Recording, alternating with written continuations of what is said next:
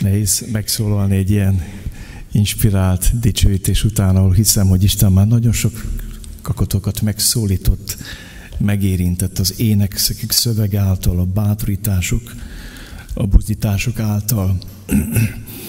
Mikor ma hajnalba kinyomtattam a jegyzetemet, kicsit szomorúan vettem észre, hogy körülbelül így néz ki. Tehát így, eh, ez, ez nagyon jó. Ez ilyen fehér lap. Szóval körülbelül így néz ki a jegyzetem. A nyomtató nagyon hozta a formáját, és mondtam, uram, ez most két dolgot jelent. Vagy az, hogy hagyjam elveszni az én jegyzetemet, vagy a másik lehetőség, hogy az ördög próbálja egy kicsit a hitemet mert valami nagyon jó dolgot készítesz ma nekünk a 11. fejezetből. Keresitek meg Zakariás könyvének a 11. fejezetét, és ehhez hozzá fogok olvasni megint a János Evangélium a 10. fejezetéből, az egy kicsit ismétles lesz. Ma egy hete arról szóltam, hogy milyen az, amikor Isten pásztorolja az ön népét, amikor Isten eh, az ön nyájának nem csak tulajdonosa, hanem birtokosa. Ő birtokolja a nyáját. Ma majd nagyon nehéz igével foglalkozunk, megnézzük azt, hogy milyen az, amikor a tulajdonos tulajdonát a tolvaj birtokolja. Azért tolvaj, a tolvaj, mert más tulajdonát birtokolja. Tehát nézzük meg ezt az Akariás 11-et, és olvassuk együtt, illetve olvasom én, ülve hallgass, hallgassátok ezt az ígét. Tárt ki kapuidat Libánon, hadd emészze cédrusaidat a tűz. Jajgassatok ciprusok, mert ledőltek a cédrusok, elpusztultak a hatalmas fák. Jajgassatok básán tölgyei, mert földre dőlt a rengeteg erdő. Pásztorok jajszava hangzik, mert elpusztult pompás legelőjük. Oroszlánok üvöltése hangzik, mert elpusztult a Jordán bozótosa.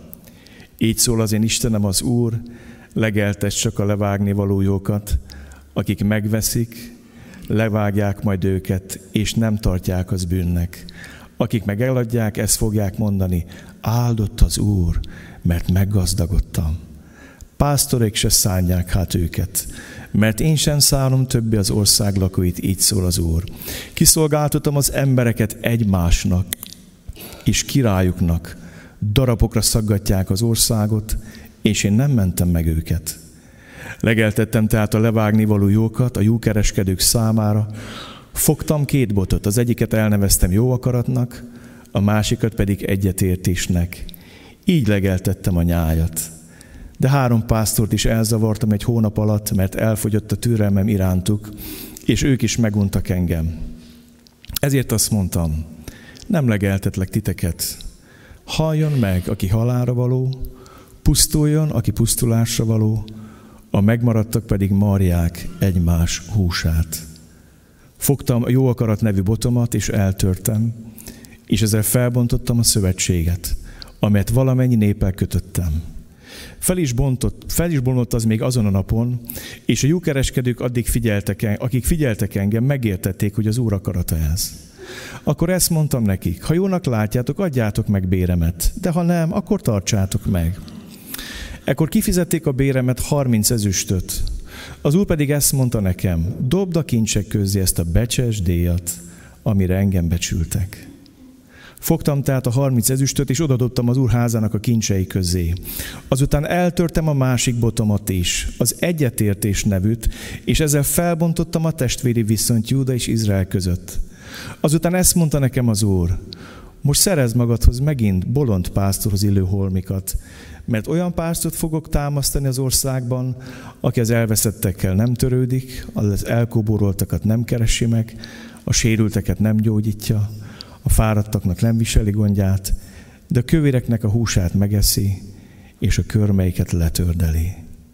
Jaj, a mi haszna pásztornak, aki elhagyja a nyáját, fegyverjárját a karját, meg a jobb szemét, száradjon le a karja, vakuljon meg a jobb szeme.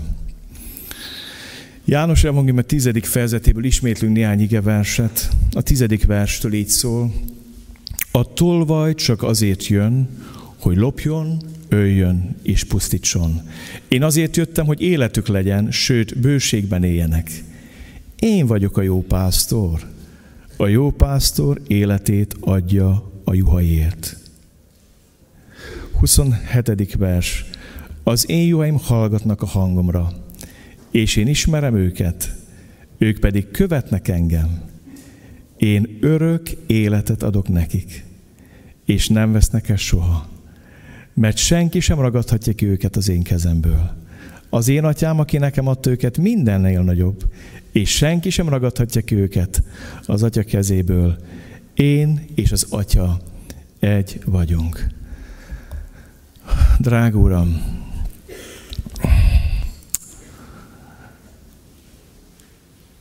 kérlek, jöjj és beszélj te.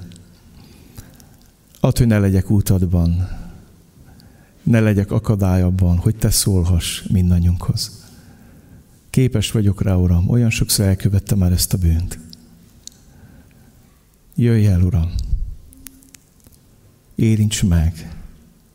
Nyisd meg a szemünket, a fülünket, hogy lássunk, hogy halljunk, hogy világosság gyűjjön a szívünkbe, és adj kegyelmet, hogy tudjunk jó döntést hozni. Add, hogy a végén el tudjuk mondani, hogy szeretnénk, drága pásztor, ha te lennél a birtokoló az életünknek, ha birtokolnád az egész lényünket. Végezd ezt el, Uram, az égejtés közben mindannyiunkban. Amen.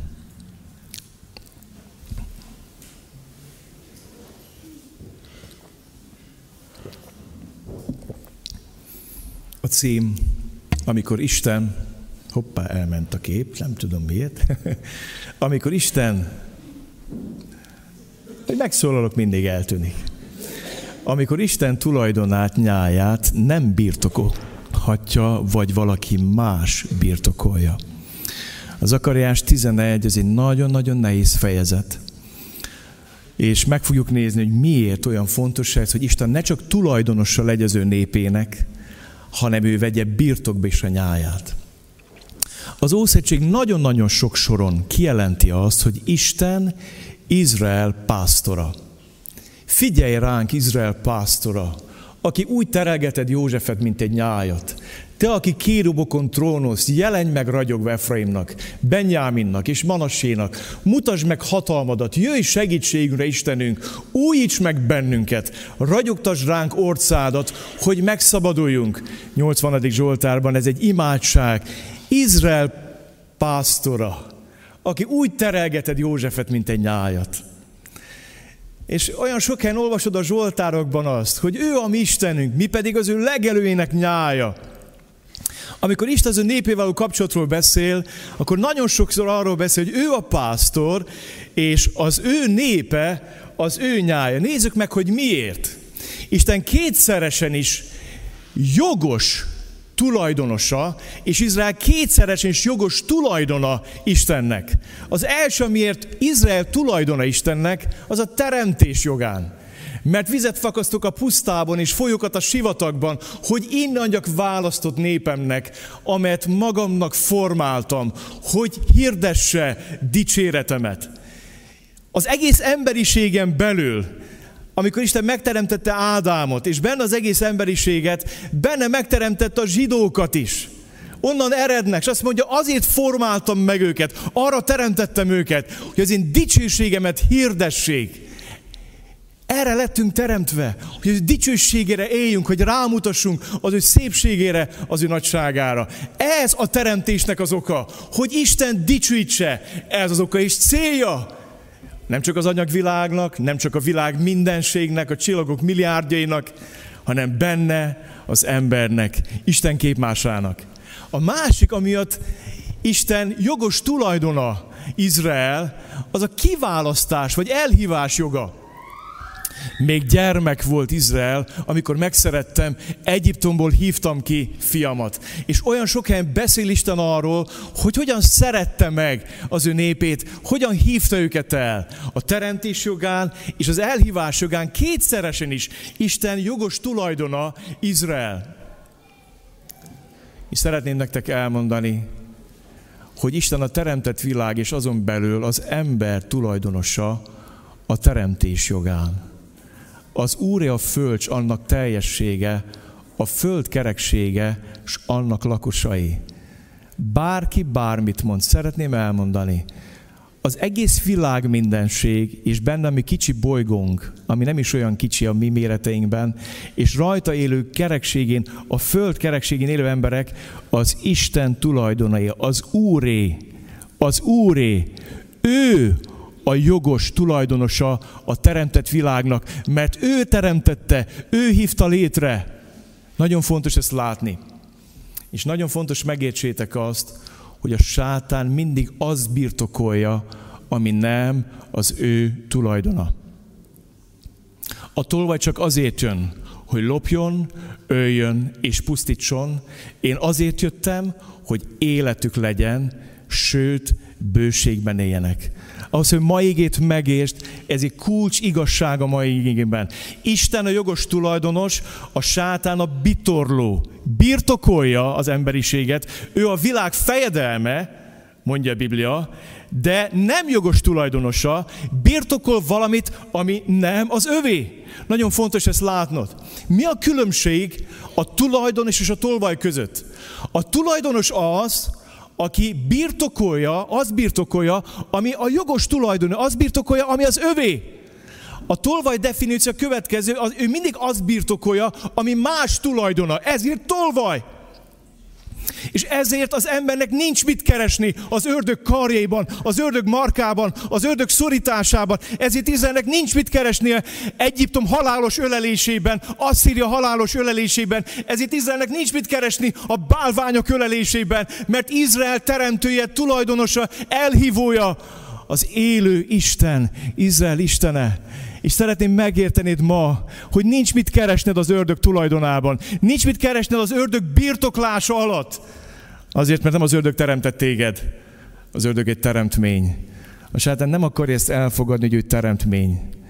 Igazából különleges dicsőséget kapott, szépséget kapott, és ő ezzel visszaélt. Azt a szépséget, amit arra kapott, hogy ő is Istent imádja és magaszta és dicsőítse, az Isten ezzel lázadt, és fel akart kerekedni lázat, és levetette ide a földre.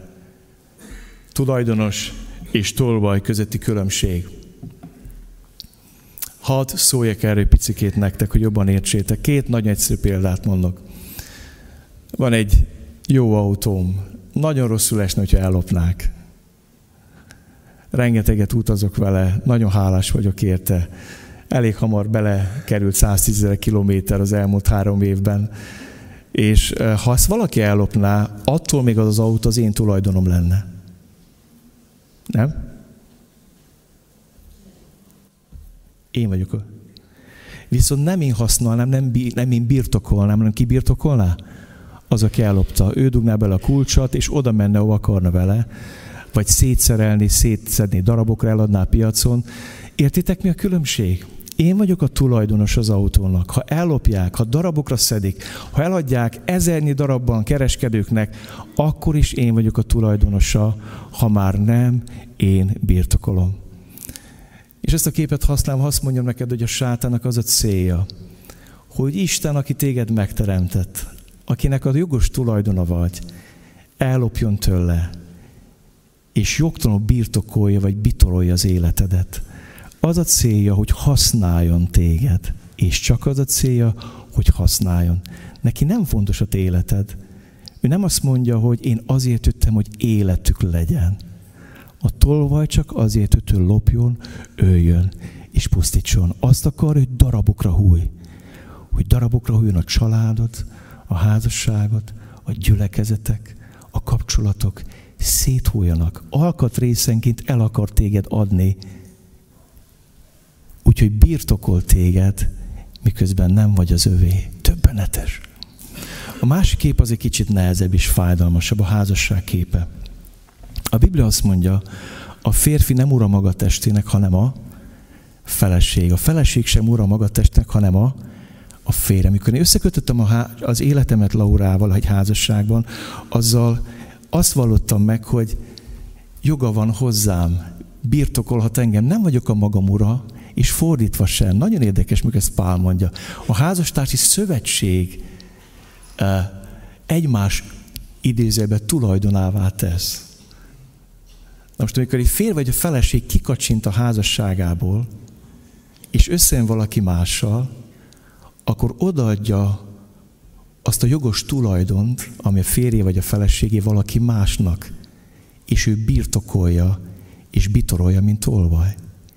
És ezzel összetör egy szövetséget, felbont egy szövetséget, és sárba tapos egy szövetséget. Nagyon fontos megérted a mai szempontjában ennek a mélységét, hogy mi a különbség a között, hogy valaki tulajdonosa az életednek, és valaki birtokosa az életednek. Hadd mondjak erre nektek egy bibliai példát. Jeremiás könyvéből idézek, ahol azt mondja, menj és hirdes Jeruzsálemnek, ezt mondja az Úr, emlékszem rád ifjúkorod hűségére, mátkosságot szeretetére, amikor követtél a pusztában, a be nem vetett földön. És most jön a lényeg. Az Úr szent tulajdona volt Izrael termésének a legjaga. Akik ettek belőle, mind lakoltak. Rossz végük lett. Ki volt Izrael? Az Úr, mondjuk együtt, szent tulajdona.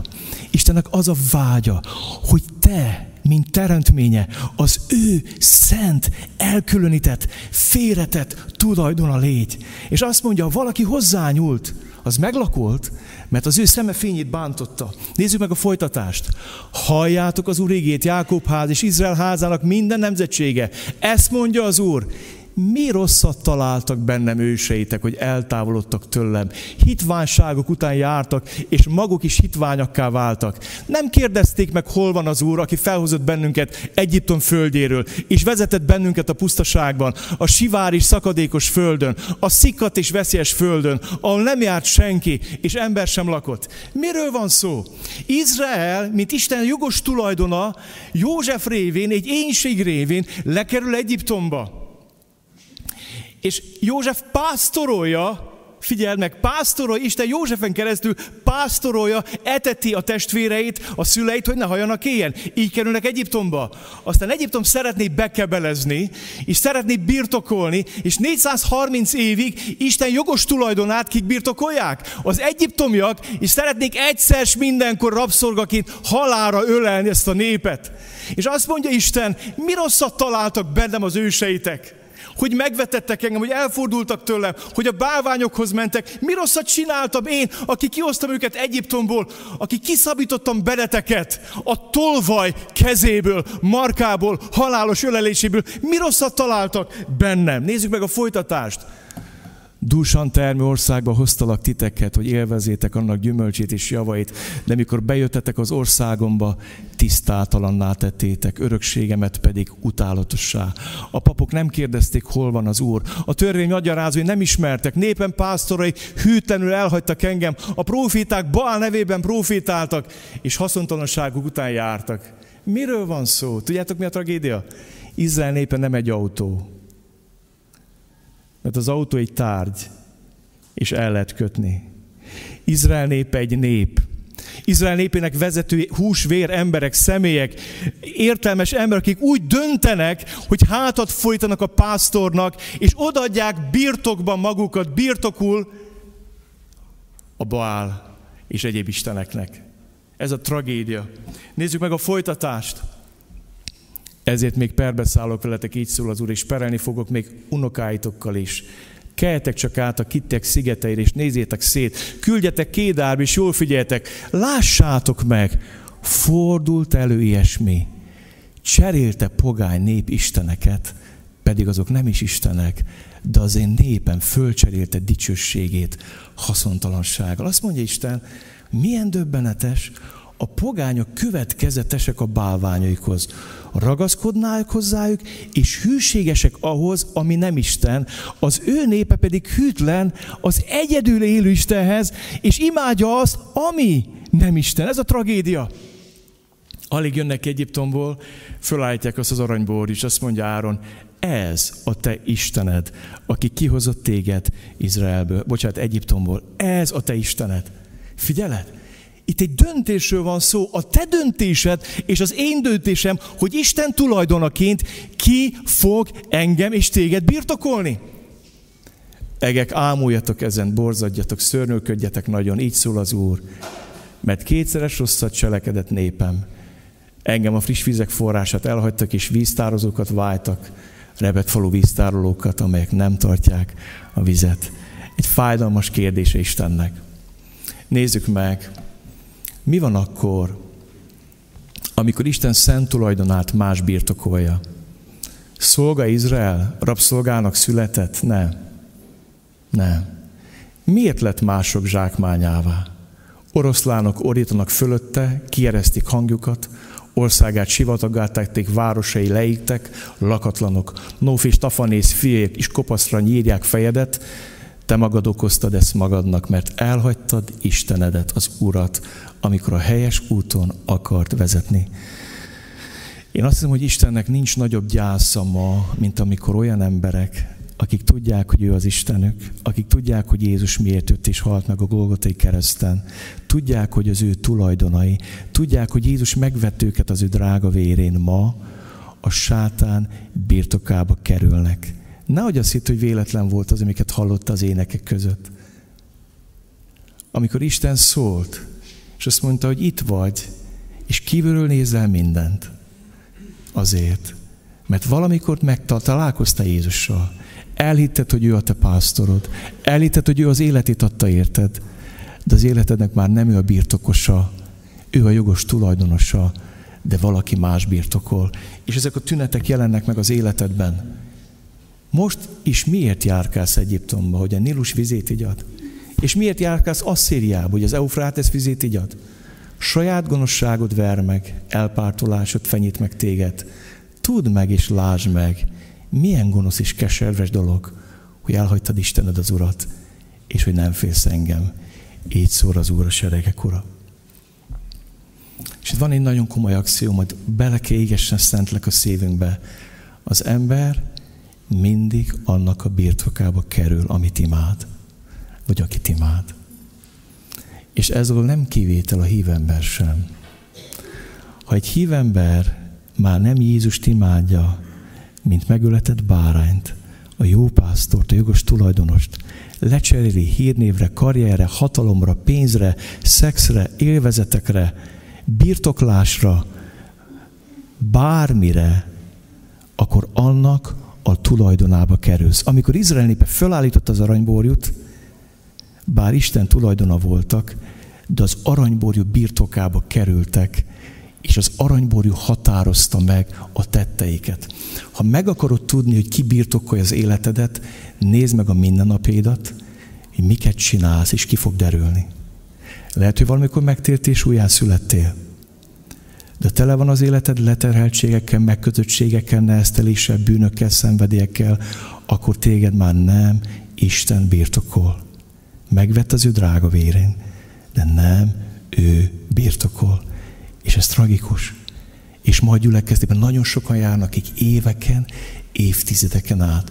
Mikor hallottam a búzítást, hogy belesajdult a lelkem, hogy Uram, ha csak egy ember is van itt, aki 10-15-20 éve találkozott veled, megtapasztalt az újjászületés örömét, de már nem ette vagy az Úr az életében, hanem a vállalkozás, a pénz, a karrier, a hírnev, mindent bedarált.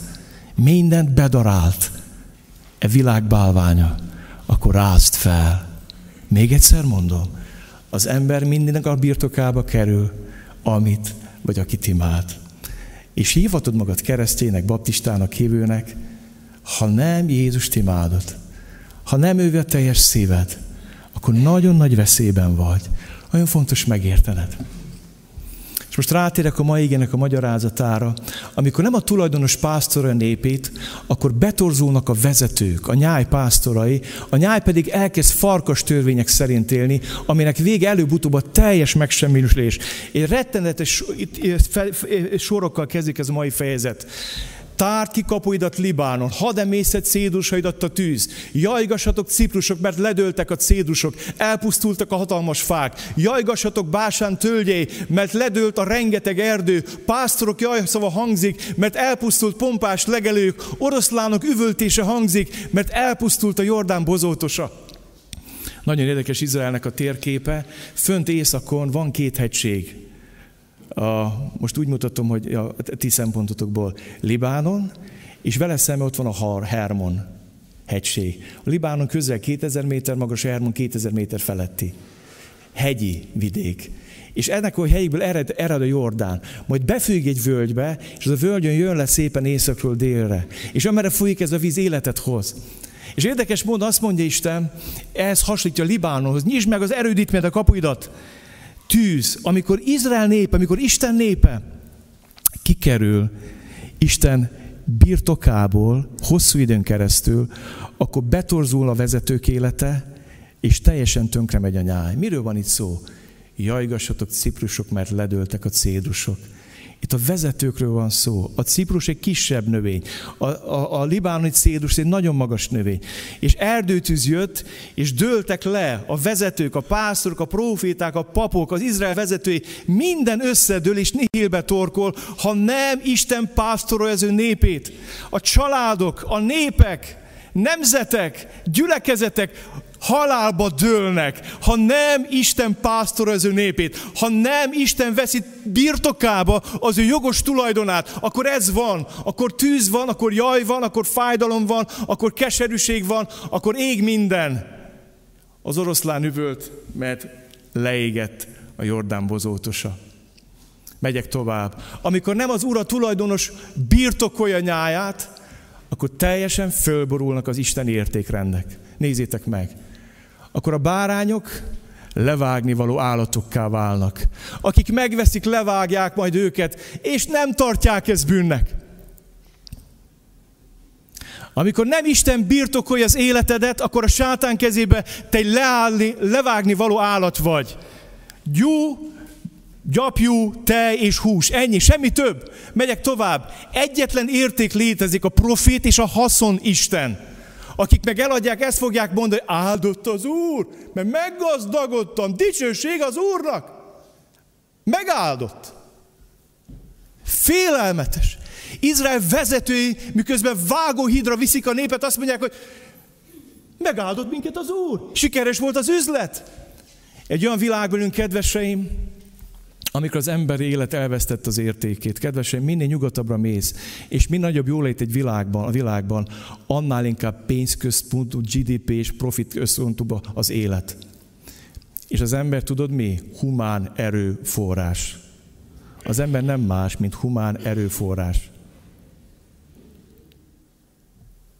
Mi hasznom lehet nekem ebből? Egyetlen értek a profit és a haszonisten. Mi hasznot tudok húzni? Döbbenetes látni ezt. Azt látni, hogy az ember egy piaci áruvá vált, egy árucikké. Ha nem Isten birtokolja az életed, árucikké válik az életünk. Egy piaci termékké válik az életünk, amit el lehet adni, meg lehet venni, és semmi több. És kihal belőle a lélek. És a mi társadalmunk egy lélektelen társadalom azért, mert hiányzik a jó pásztor felette. Mikor vállalkozók markukban tartják a szegény, azt mondják, hogy megtehetem azt hogy minimálbérért te 24 órában 23 órát dolgoz. És még azt is kérem tehát, hogy mondd azt, köszönöm Uram, áldott van Uram. Aztán amikor kimegy tőled, akkora átkot mond rád, hogy arról kódulsz.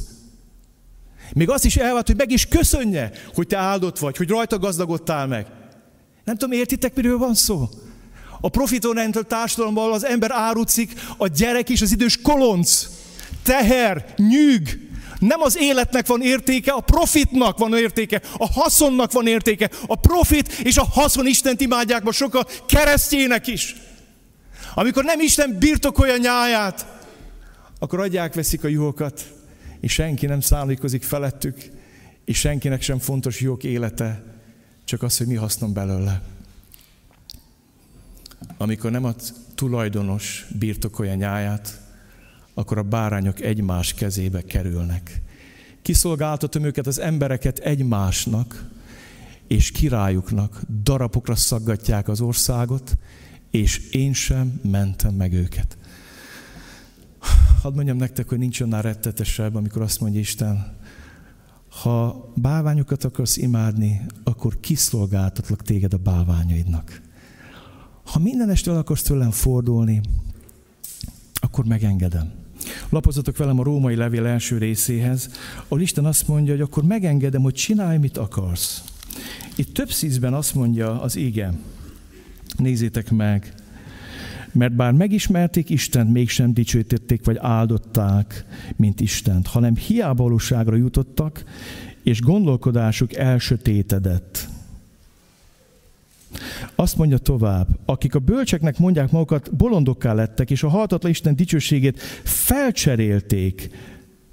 Madarak, emberek, négylábak, csúszómászok képmásával. Ezért kiszolgáltatta őket Isten szívük vágyainak, a tisztátalanságnak, hogy meggyalázzák egymás testét. 29. 6. vers. Ezért kiszolgáltatta őket Isten gyalázatos szenvedélyeknek. Többenet. Amikor Izrael éppen megmakacsolja magát, amikor a hívember megkemíti magát Istennel szembe, akkor azt mondja, hogy kiszolgáltatlak téged az embertársadnak, és kiszolgáltatlak téged a vágyaidnak, a kívánságaidnak, a hóbortodnak, hogy ezután menj. Ez egy rettetes állapot, amikor az emberek egymás kezébe kerülnek.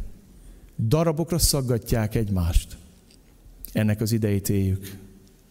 Amikor a profit és a haszon felüli az élet értékét. Azt olvastuk, halljon meg, aki halára való, pusztuljon, aki pusztulásra való, a megmaradtak pedig marják egymás húsát. Amikor nem Isten az ő népének a pásztora, akkor antikrisztusi uralomá kerül az ember, ahol mi számít? Aki gyenge, az pusztuljon el. Aki levágnéval is hasznot hoz, az hamar vágjuk le. Aki pedig egyiket se akarja, azok meg egyik meg egymást. Ez valami rettenetes dolog. Nem tudom, mennyire érzétek ezek a diabolikus erőket, mikor házaspárok szép lassan eszik egymást előre bejelentik, hogy addig együtt maradunk, míg a gyerekünk betöltött 18 évet.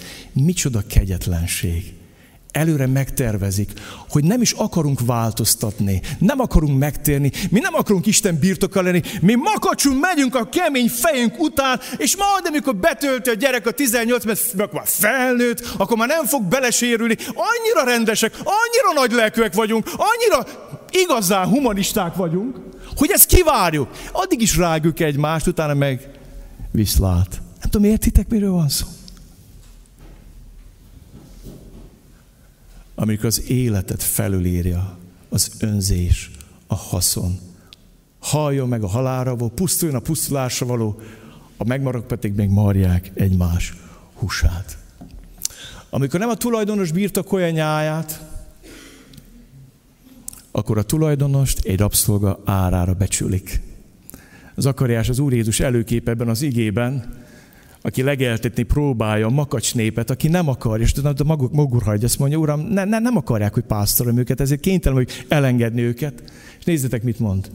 Dobd a kincsek közt ezt a becsesdíjat, amire engem becsültek. Fogtam tehát a harminc ezüstöt, és odadottam az úrházán a kincsei közé. Tudjátok, a harminc ezüst egy rabszolgára. Igen, amikor nem Isten a pásztorod, akkor Istent rabszolgának nézed, értékeled és becsülöd. Nem feltét az adakozásodban, hanem a viselkedésedben. Hogy úgy tekintesz rá, mint a rabszolga, és ez egy nagy kísértés, hogy Istent a rabszolgánknak nézzük. Amikor nem Isten a pásztorunk, olyan szinten betorzul az életünk, hogy őt rabszolgának nézzük, aként kezeljük, és értékeljük. Azt mondja Isten, dob be a templom udvarába ezt a becses kincset, amire értékeltek engem. Hadd kérdezem meg, mennyit ér nekünk Jézus? Az ő váltsága, az ő áldozata. Mennyit ér neked Isten? És hadd szóljak most nektek a tulajdonos pásztorlásának két botjáról. Általában keleten minden pásztornak hány botja van? Egy. Tudjátok, milyen alakja van annak? Ez a hosszú, nagyon hosszú bot egyébként, hogy ha nem tud olyan gyorsan futni, akkor utána tudjon nyúlni, ki tudja húzni a szakadékba, le tud vele nyúlni. A pásztorlás sok mindent jelent az a bot, védelmet, autoritást, birtoklást, de fegyelmet, terelgetés, sok mindent jelent. És azt mondja az ége, hogy Isten két bottal pásztorolja az ő népét. Fogtam két botot, az egyiket elneveztem jó akaratnak, a másikat pedig egyetértésnek, és legeltettem a nyájat. Jó akarat. Károly, tudjátok, mit mond? Elneveztem szépségnek. A mi fordításunk azt mondja, hogy jó akaratnak. Az élet igazi szépségét mindig Isten jó akaratának a megvalósulása hozza el az életedbe. Drágám, lehet, hogy a pénzedben bíztál. Lehet, hogy a vállalkozásodban bíztál. Lehet, hogy József Attila,ként magamban bíztam egyedül kell elejétől fogva. De érts meg valamit ma délelőtt. Az élet szépsége akkor érkezik el az életedbe, amikor Isten jó akarata valósul meg, jut érvény az életedbe. Isten pásztorlásnak a célja az, hogy az életed tényleg szép legyen, tényleg gazdag legyen, teljes legyen, egész legyen. Én azért jöttem, hogy életük legyen, és bővölködjenek, bőségben éljenek. És azt mondja az ége, hogy a pásztornak az egyik botja a jó akarat. Karácsonykor nem sokára arra fogunk emlékezni, hogy dicsőség a magasságban Istennek. És az emberekhez mi? Jó akarat érkezzen meg. Jézus Krisztus hozta el közénk az Isten jó akaratát. Azt mondta, hogy elközelített a mennyek országa, térjetek meg, és higgyetek az evangéliumban. És ha szeretnéd, hogy szép legyen az élet, van egy ilyen film, hogy az élet szép. Ha szeretnéd, hogy az életed szép legyen, valóban szép legyen, akkor engedd, hogy Jézus Krisztus akarata valósuljon meg az életedben. Végre kezd el élni a mi atyánkot. Jöjjön el a te országod. Hogyan? Úgyhogy legyen meg a te akaratod, mind a mennyben, úgy a, földön. Hadd kérdezzem meg a Szentlek, a házasságodban úgy valósul meg Isten akarat, hogy a mennyben szeretné? Vagy még mindig makacs vagy, és ellenállás, és mondod, nem, én nem akarom azt tenni, mit te mondasz. Én vagyok a fontos. Az én egóm, az én hiúságom, az én büszkeségem, az én sértődöttségem. Ez a lényeg. Ezt kell imádni. És azt mondja, hogy jó van, akkor rajta egyétek egymás húsát. Engedem, hogy pásztorold magad. Engedem, hogy élj a saját szemed kívánsága szerint. Kövesd a vágyaidat, az élvezetédet, a kívánságaidat. Menj azok után. Kiszolgáltat Isten magadnak. És ennél nagyobb tragédia nincs. Amikor Isten tulajdonaként az ördög bitorol minket. És a másik botja az egyetértés, egy másik fotás az a kötelék. Az emberek egységét soha nem a humanista jelszavak is eszmék hozzák el, hanem a jó pásztor jelenléte, ezt jegyezétek meg. Világ proletári, egyesüljetek. Azóta is egyesülnek. Szét is mentek szépen. Hol van ma az a rendszer? A proletárok egyesültek. Hol van? Vannak jelszavak. Azt mondták a humanisták, felvilágosodtunk, az ember, a tiszta és győzelme, a józan ész majd az, az, az, az nagy dolog lesz. Megvilágosodtunk, sötét, középkor, csúnya egyház, buta kereszténység, ópiumvallás, majd eljön a Kánaán, a szép új világ. Tudjátok, azután lett két nagy világháborunk. Nem? Nem azután lett? Úgy mondják a csángók, hogy nagy verekedés, nem azt mondják a világháború. Első nagy verekedés, második nagy verekedés. Mi? Szerintem nagyon jól mondják, mert az. Csináljuk kicsiben, nagyban. Most megint japeckednek a nagyhatalmak, már megint kezdik, hogy hidegháború, ez az. Putyin is durogtat meg. Na, szóval megy, megy. Nem tudunk békességre jutni. Tudjátok, hogy miért? Az egyetértés akkor eljön az életedbe, a családodba, a gyülekezetbe. Nem a humanista jelszavak bocs, nem a pszichológia hozzá el, nem a humanizmus hozzá el, a pásztor jelenléte. Két bot, jó akarat, szépség, egyetértés kötelék. És hadd mondjam nektek, amikor elutasítjuk a tulajdonosunk pásztorlását, a teremtésünk, teremtünk pásztorlását, akkor ez összetöri és felbontja a gondoskodás szövetségét. Mikor Izraelben megmakacsolta magát, azt mondta, mi nem kérünk, mi nem kérünk az Isten pásztorlásából. Értjük, hogy ő teremtett, meg kihozott Egyiptomból, de mi nem kérünk abból. Akkor azt mondja az ége, fogtam a jó akarat nevű botomat, és eltörtem, és ezzel felbontottam a szövetséget, amit valamennyi éppen kötöttem. Azután eltörtem a másik botomat is, az egyetértés nevűt, és ezzel felbontottam a testvéri viszont Júda és Izrael között. Izrael népe elment a határokig, addig ment el, míg azt mondta Isten, hogy nincs tovább. felbontjuk a szövetséget. Eltöröm ezt a két botot. A jó akarat és szépség terelgetését, és az egységnek a botját összetöröm. És akkor legyen, amit szeretnétek. Ma el kell döntened, hogy az lesz az életedben, amit ő szeretne, vagy az lesz az életedben, amit te szeretnél. És szeretném neked elmondani ma ez az életedben élet-halál kérdése. Élet-halál kérdése. Megengedett, hogy Isten a tulajdonos birtokolja az életedet, Ugye azt mondod, hogy hiszem, persze, tudom, hát én baptista vagyok, bemerítkeztem, hogy ne, buzgó hívő voltam, hát ne tudd meg, hát, én, hát nem ismersz engem, de tudod. Élet-halál kérdése, hogy ki birtokolja az életedet.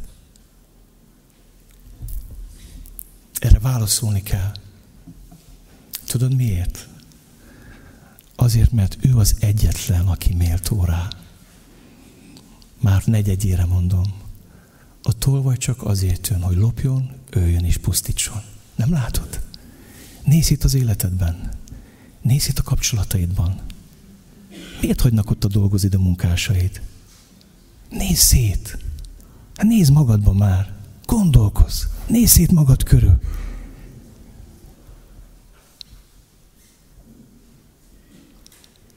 Ő az egyedül, aki méltó rá.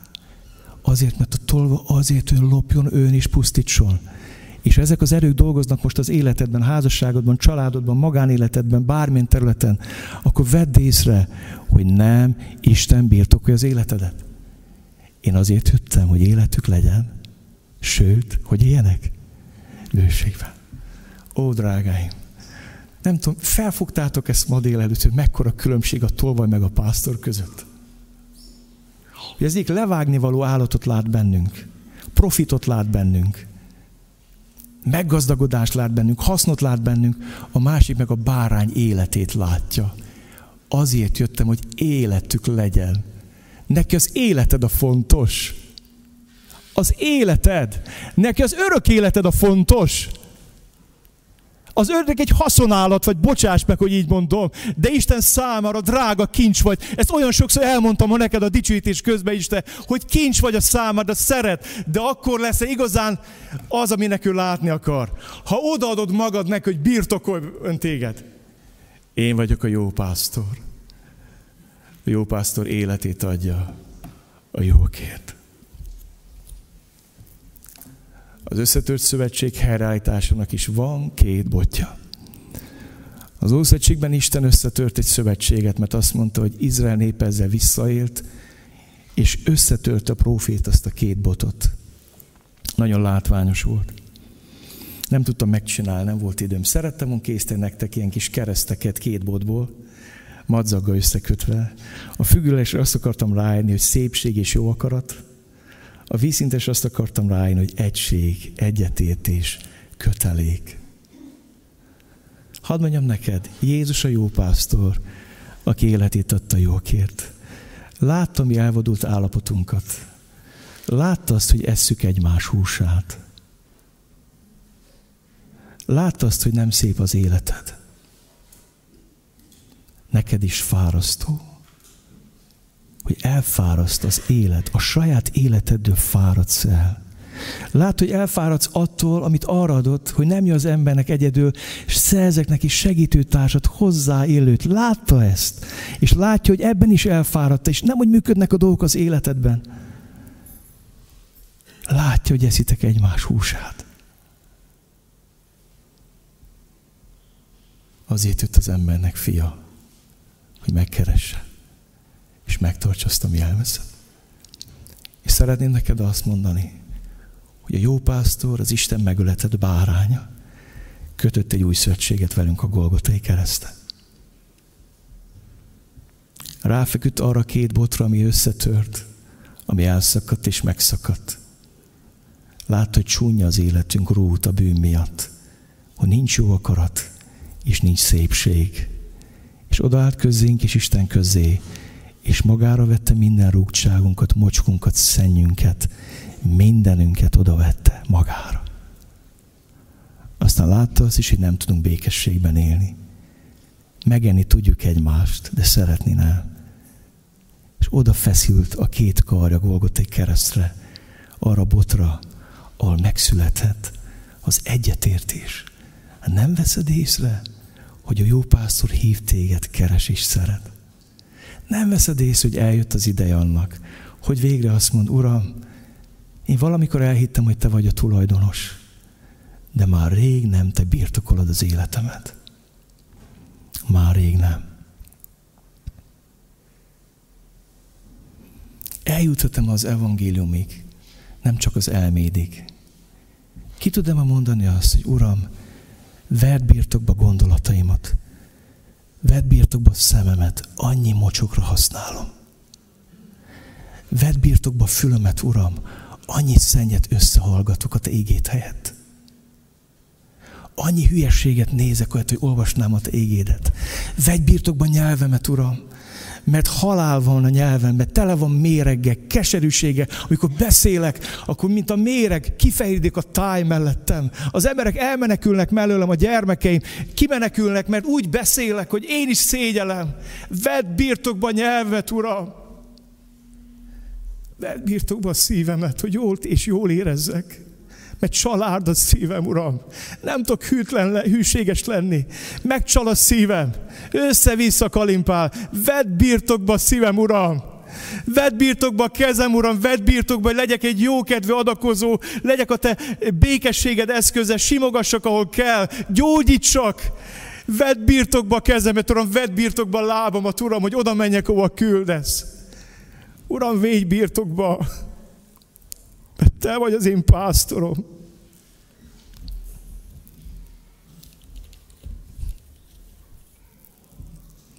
Ott a Golgotai kereszten. Ez a két összetört bolt helyreáll. Ott a Golgotai kereszten meggyógyulhat az életed. Mikor engedsz az Istennek? Miért gyémánt kemény a szíved?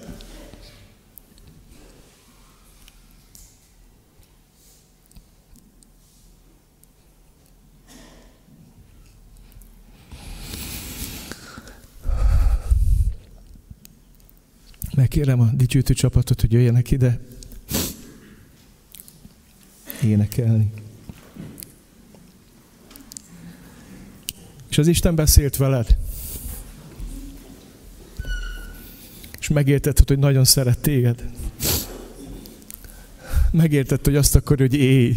Ne akárhogy, ne lét minimumon, ne vegetálj, ne kínlódj, hogy élj az ő dicsőségére.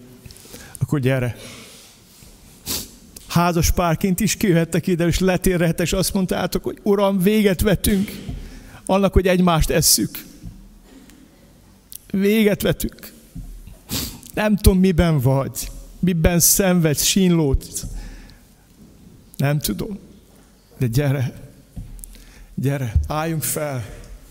És akit Isten hív, az jöjjön és kiálts hozzá, hogy Uram, akarom a szépségedet, akarom a Te jó akaratodat az én életemben, akarom a családomban, a gyermekeim életében, a házasságomban, akarom a gyülekezetemben. Uram, akarok egységet, nem kompromisszumokat, nem háború szünetet, nem fegyverszünetet, békességet akarok. Békesség király, jöjj, könyörülj rajtam. Gyertek, és mondjátok, hogy Uram, könyörű, terelgess a te egyetértésed, jó akaratod botjával, az egyetértés pásztor botjával, terelgess, Uram, a te utadon, Uram, terelgess.